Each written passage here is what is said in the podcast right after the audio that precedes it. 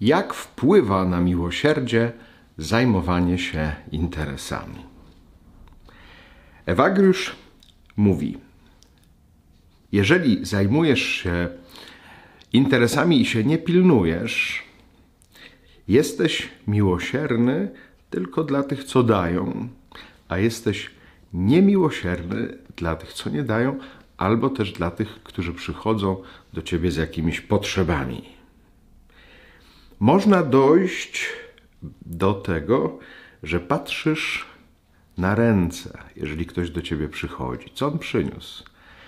a jednocześnie nie pozwalasz patrzeć na swoje ręce. Jeżeli takie momenty zauważamy w naszym życiu, e, jeżeli prowadząc jakieś interesy, no każdy z nas coś ma z tym do czynienia, ale jeżeli widzimy, że jesteśmy miłosierni tylko dla tych, którzy z czymś do nas przychodzą i możemy na coś liczyć z ich strony, natomiast coraz brak nam miłosierdzia dla tych, którzy z niczym przychodzą albo w ogóle jeszcze coś od nas chcą, a jednocześnie, i to jest myślę bardzo ważna uwaga,